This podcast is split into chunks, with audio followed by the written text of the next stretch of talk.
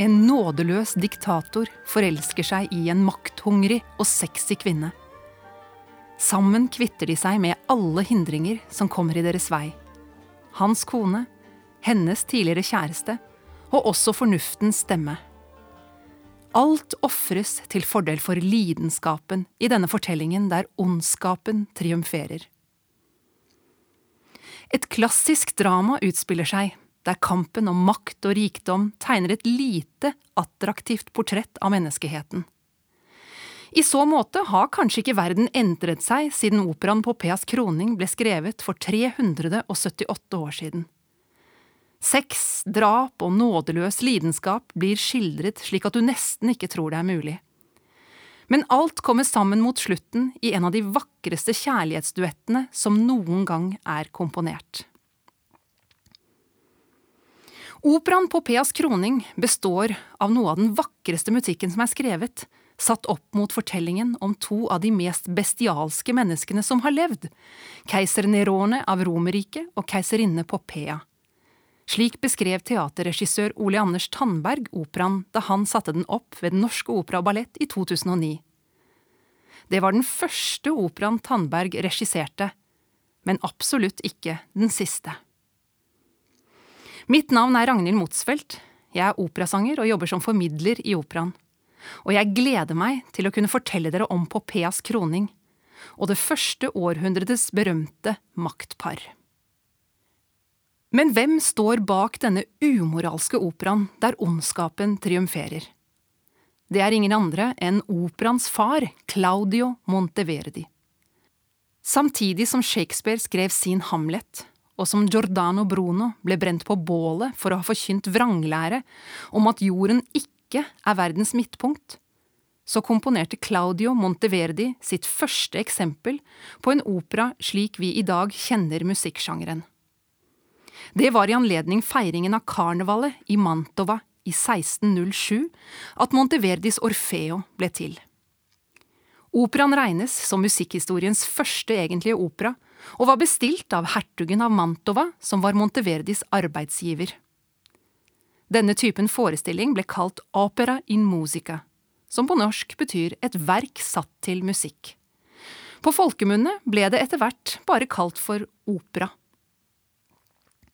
Monteverdi ønsket å uttrykke menneskelige følelser gjennom musikken sin. Musikken skulle få folk til å gråte, ikke diskutere. Musikken skulle ikke følge stive regler, men gi plass til den menneskelige tilstanden og uttrykke den. En av de mest oppsiktsvekkende konsekvensene av dette var Monteverdis dissonanser. Det vil si lyd som skjærer oss litt i øret, for deretter å bli oppløst, og vi får en følelse av velklang. Hør her på Popeas lengten etter Nerone.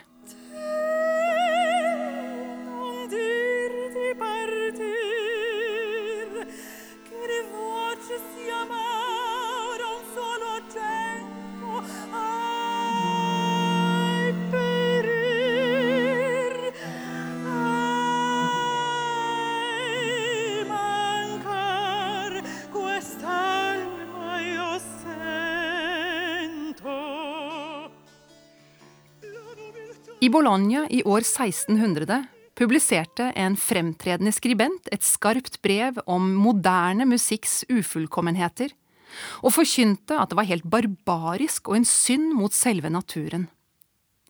Det viktigste stridspunktet var nettopp bruken av dissonans som en måte å fange lytterens oppmerksomhet på, og fremheve betydningen av teksten.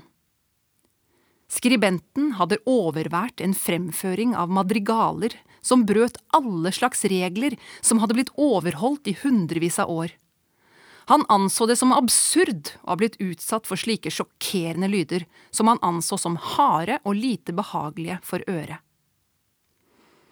Brevet hans fikk mye oppmerksomhet, noen delte hans meninger, mens mange andre følte like sterkt at selve livet er rotete og kronglete, og musikken må kunne kommunisere alle slags menneskelige opplevelser og følelser og det har blitt et kjennetegn på barokkmusikken. Komponisten av madrigalene som skribenten viste til, var selvsagt Claudio Monteverdi.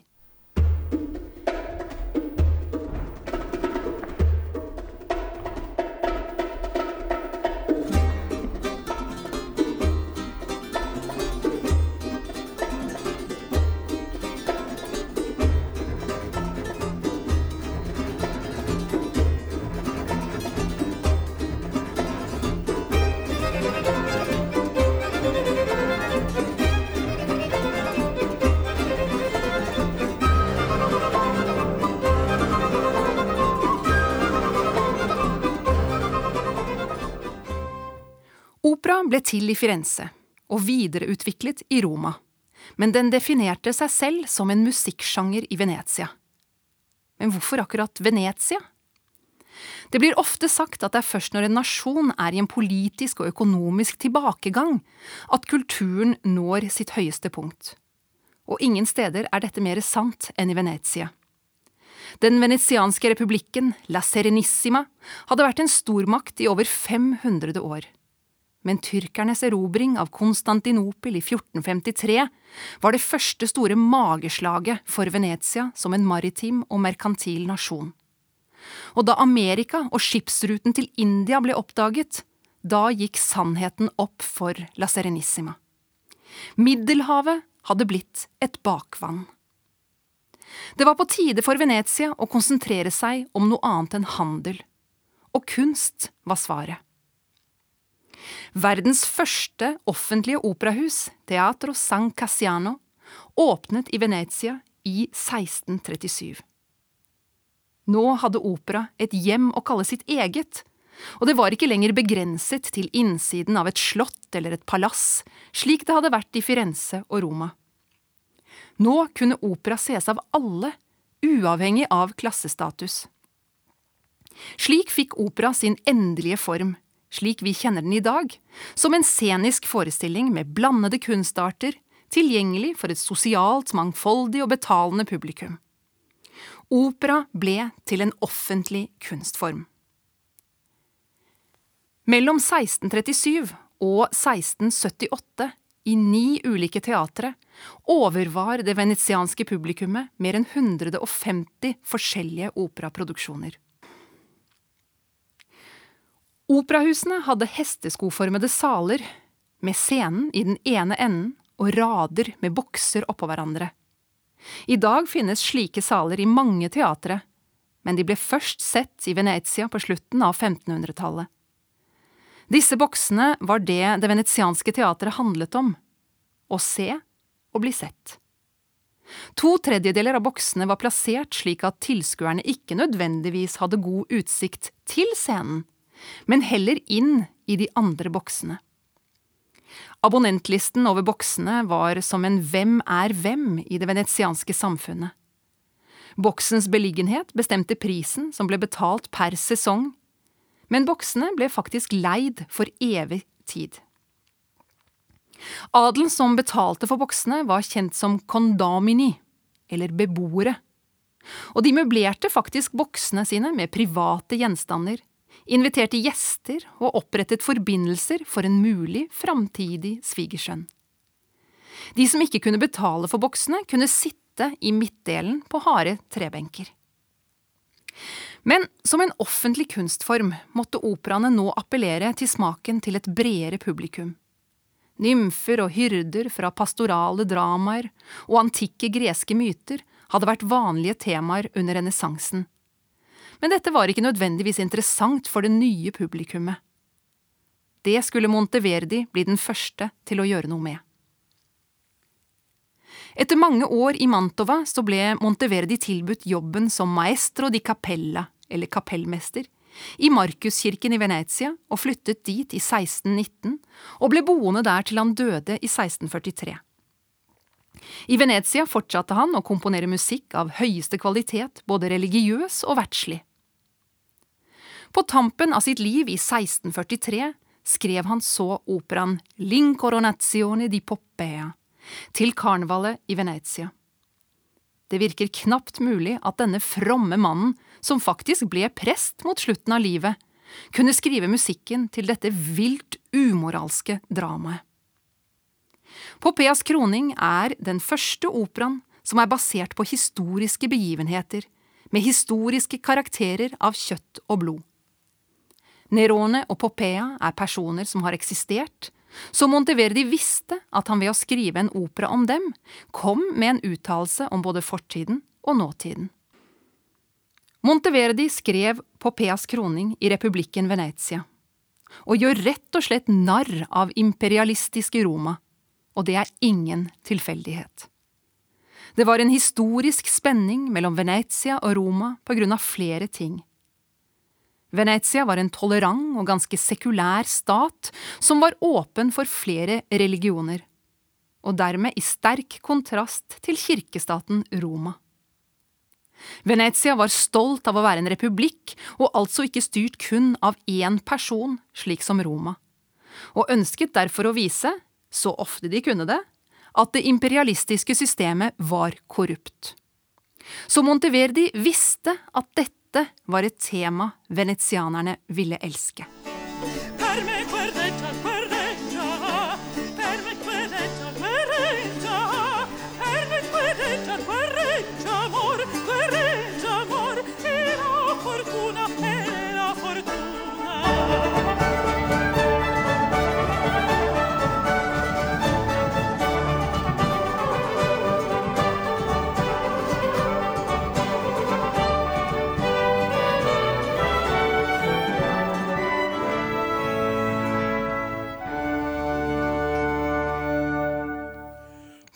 Tekstforfatteren Giovanni Francesco Bosenello baserte seg på historikeren Tacitos analer om Romerriket da han skrev librettoen til Popeas kroning.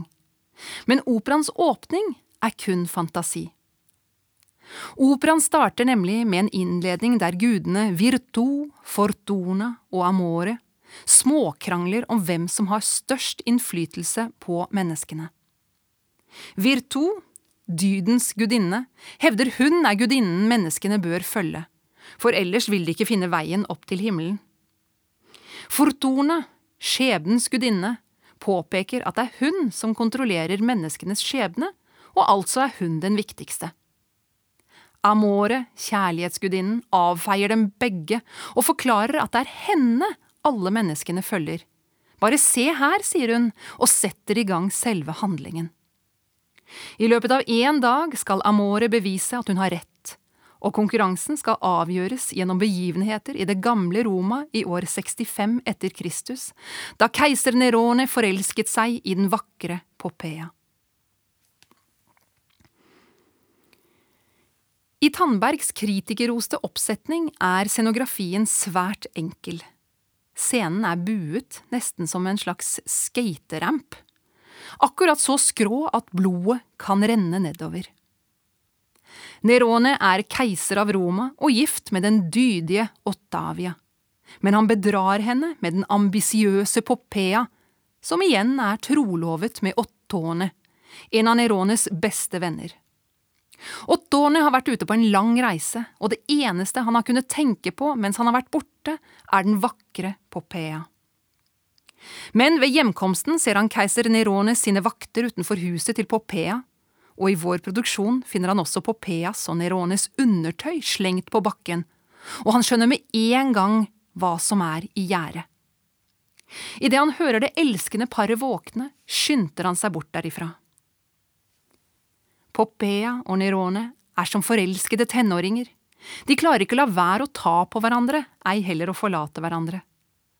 Popea vil ikke la Nerone gå, og hør hvordan Monteverdi beskriver et nyforelsket par som ikke klarer å komme seg ut av sin egen lille boble.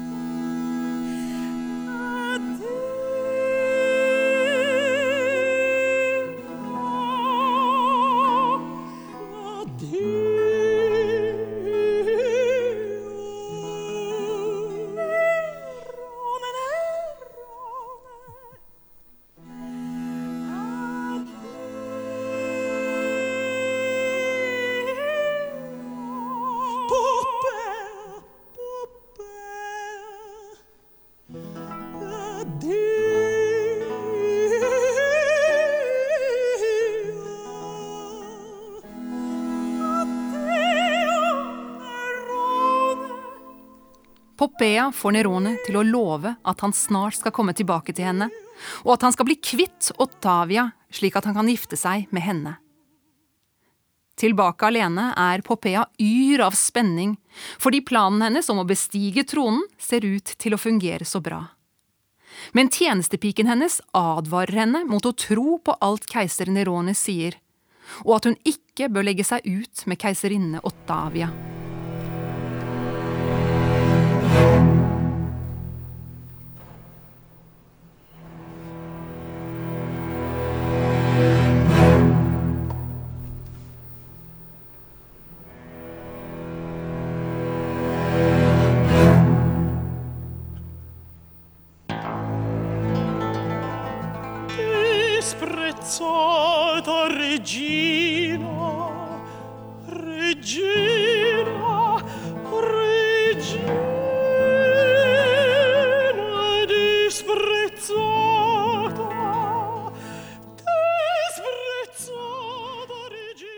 Keiserinne Ottavia vet virkelig ikke hva hun skal gjøre med mannen sin, som bokstavelig talt regjerer med smekken åpen.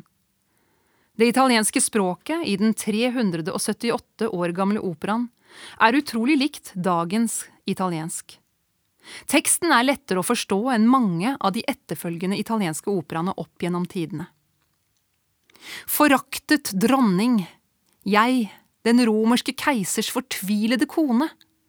Naturen og skjebnen skaper kvinnene som frie, men ekteskapet setter oss i håndjern, synger Ottavia, og vi kan virkelig høre hvor fortvilet hun er. Hun tilkaller guden Jove, den romerske guden for himmelen og torden, og ber om at lynet skal slå ned i Nerone. Destin, destin, se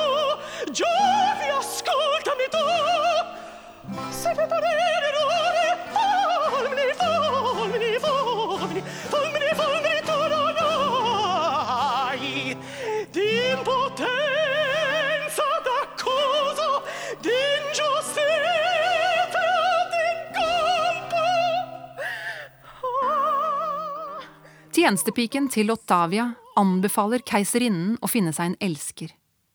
Men det må være en elsker med stor E, en som vil få Nerone til å se rødt. Men Ottavia vil ikke høre. Filosofen Seneca, Nerones rådgiver, råder Ottavia til å bære sine ulykkelige omstendigheter med verdighet.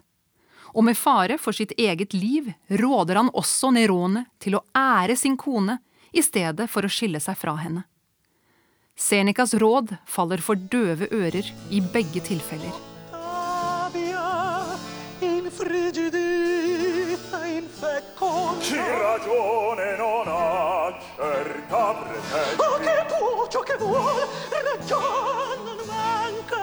Manca la sicurezza all'opera non sarà sempre più giusto il più potente. Ma chi non sa regnar sempre può meno la forza la forza la forza la forza e legge in pace. La forza la forza accende gli odi. Spada, spada, in guerra. E turba il sangue turba il sangue. Bisogno non ha della ragione. La ragione la ragione regge gli uomini e gli dei Popea frykter likevel Senecas innflytelse over Nerone, og sier til Nerone at Seneca skryter av å være den egentlige maktfaktoren bak tronen. Nerone blir rasende og beordrer Senecas henrettelse. Ottone, Popeas tidligere trolovede, søker trøst hos en tidligere elskerinne, hoffdamen Drosilla, og lover å gifte seg med henne. Men i elskovsscenen er det likevel Popeas navn Ottone har i hodet. Andre akt begynner med at Seneca blir varslet om sin dødsdom. Seneca godtar skjebnen med stoisk ro og tar sitt eget liv. Senecas stoiske aksept av døden står i markant kontrast til Nerone og Popeas oppførsel, som gledelig feirer Senecas påtvungne selvmord. Og her begynner blodet for alvor å renne. I mellomtiden så beordrer Ottavia Ottone til å drepe sin trolovede Popea. Ottone nekter først, men Ottavia truer med å lyve til Nerone og si at Ottone har forgrepet seg på henne. Dydige Ottavia er plutselig ikke så dydig lenger. Ottone betror seg til Drosilla, som mer enn gjerne ser sin rivalerinne ryddet av veien. Forkledd i Drosillas klær så smyger Ottone seg inn på Popea mens hun slumrer i hagen sin.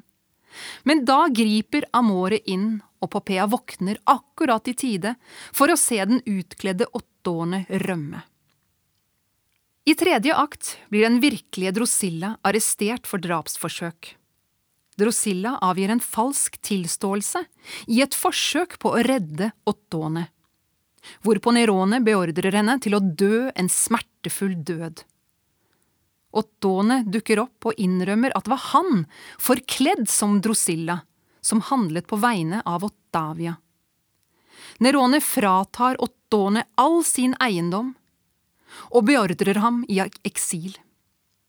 Drosilla ber om å få bli med Ottone, hvilket hun får.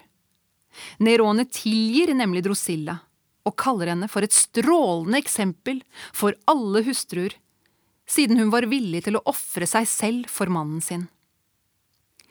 Nerone retter så sitt raseri mot Ottavia for å ha stått bak drapsforsøket. Men dette gir ham jo også en ypperlig mulighet til å skille seg fra henne. Nerone beordrer at Ottavia plasseres alene i en båt, og deretter må hun drive dit hen vindene bærer henne.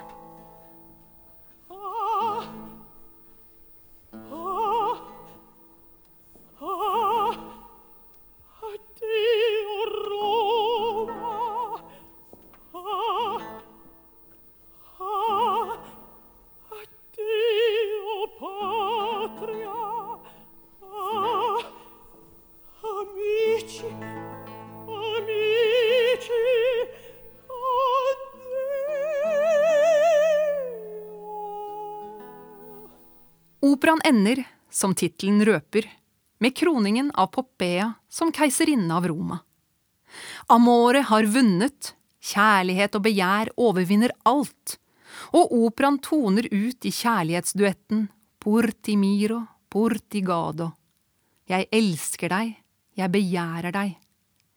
I Tandbergs versjon blir denne duetten til en mordorgie, der Nerone og Poppea tar livet av resten av rollekarakterene og alt blodet renner ned mot bunnen av den buede scenen, som et bilde på all ondskapen deres.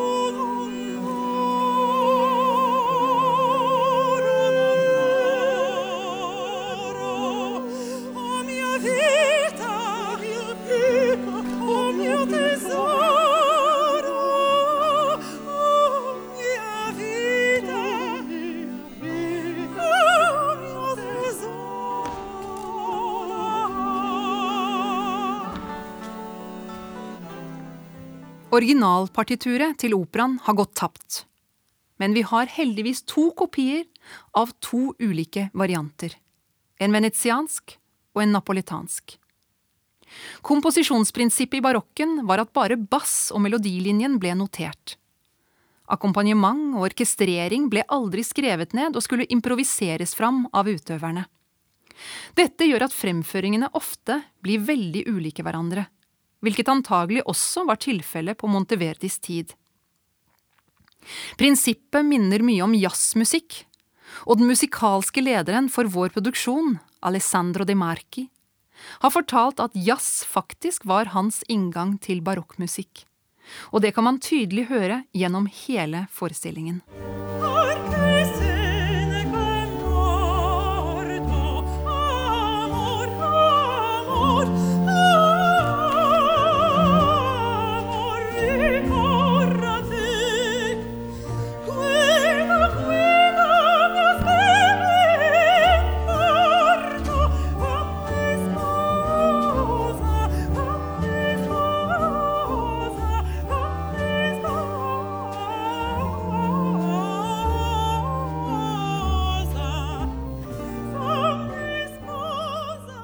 Så når vi nå snart 400 år senere setter opp en opera som Popeas kroning, da står mye og faller på den musikalske lederen. De Marchi forteller at han aller først tar utgangspunktet i stykkets tekst. Deretter er jobben hans å forestille seg alt musikerne gjorde, men som ikke er inkludert i notematerialet, hvilket er omtrent 90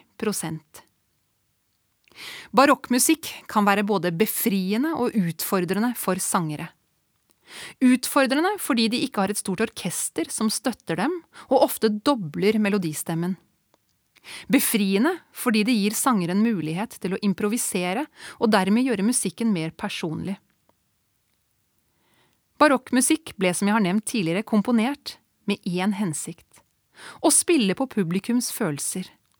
Og menneskets grunnleggende følelser har ikke endret seg gjennom århundrene. Og det er kanskje derfor denne musikken alltid vil føles forholdsvis moderne. Noe som derimot har forandret seg, er sangstemmeidealet. I vår tid blir ikke nødvendigvis en svært lys stemme sett på som særlig maskulint. Men slik har det ikke alltid vært. I renessansen og barokken var en lys, engleaktig stemme synonymt med edelt og nobelt.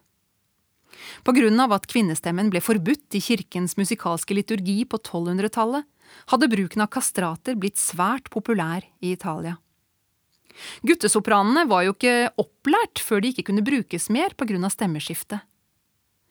Operasjonen, utført selvfølgelig før guttene nådde puberteten og kom i stemmeskiftet, gjorde at larynx og stemmebåndene ikke utviklet seg særlig mer, mens brystkassen utviklet seg veldig noen ganger helt ut av proporsjon, og de stoppet heller ikke å vokse i høyden. Kastratene hadde derfor en evne til å puste helt utenom det vanlige sangere kunne, samtidig som de beholdt sin engleaktige stemme, men med mye mer kraft. Kastratsangerne fant veien fra kirkene og inn i den nye musikksjangeren opera ganske raskt, og flere av birollene i Monteverdis Orfeo ble sunget av kastrater. Den første hovedrollen til en kastrat kom i Popeas kroning, der både Nerone og Ottone ble sunget av kastrater. For å være helt nøyaktig så ble Nerone skrevet for en soprankastrat. Kastratene kunne nemlig også deles inn i ulike stemmefag. Kastrering av unge gutter ble heldigvis forbudt, men faktisk ikke før mot slutten av 1800-tallet. Og kirkestaten Roma var den siste til å innføre forbudet. Så i dag synges Nerone gjerne av en mannlig kontratenor eller en kvinnelig mezzosopran. Jacek, som synger Nerone i vår forestilling, har gjort karriere både som tenor og som sopranist, det vil si en svært lys kontratenor. Så hans repertoar på operascenen spenner faktisk fra Nerone i Popeas kroning til Cavaradossi i Tosca, hvilket er ganske uvanlig. Jacek får virkelig Nerone til å høres enda galere ut. Dramaet om kjærlighet og makt er evig aktuelt. Men Tandbergs bruk av vår egen tids klær og de åpne omgivelsene gjør dette dramaet, der tragedie og komedie sidestilles og uskyld og dekadanse skifter kraftig fra scene til scene, til et tidløst og tankevekkende drama. Ikke lenge før Monteverdis tid så kom Machiavelli ut med Fyrsten. En stor publikasjon om hvilken betydning det har for en leder å være elsket og fryktet av de man hersker over. Machiavelli skiller skarpt mellom den personlige moral, som må være upåklagelig, og den offentlige moral, hvor handlingene er legitime når de tjener statens eller fellesskapets interesser. Mulig Monteverdi med Popeas kroning, på en humoristisk måte, forsøker å skildre hva det vil si å være en god leder, ved å vise fram en uhyrlig dårlig leder. Det enkle budskapet Popea bringer, er at verken skjebnen eller dyden kan konkurrere med kjærligheten, som med en enkel gest kan forandre verdens ansikt, forhåpentligvis også til det bedre. Popeas kroning er opera på sitt beste, skrev anmelder Torkil Olav Baden etter premieren i operaen i 2009. Og da gjenstår det bare for meg å ønske god fornøyelse.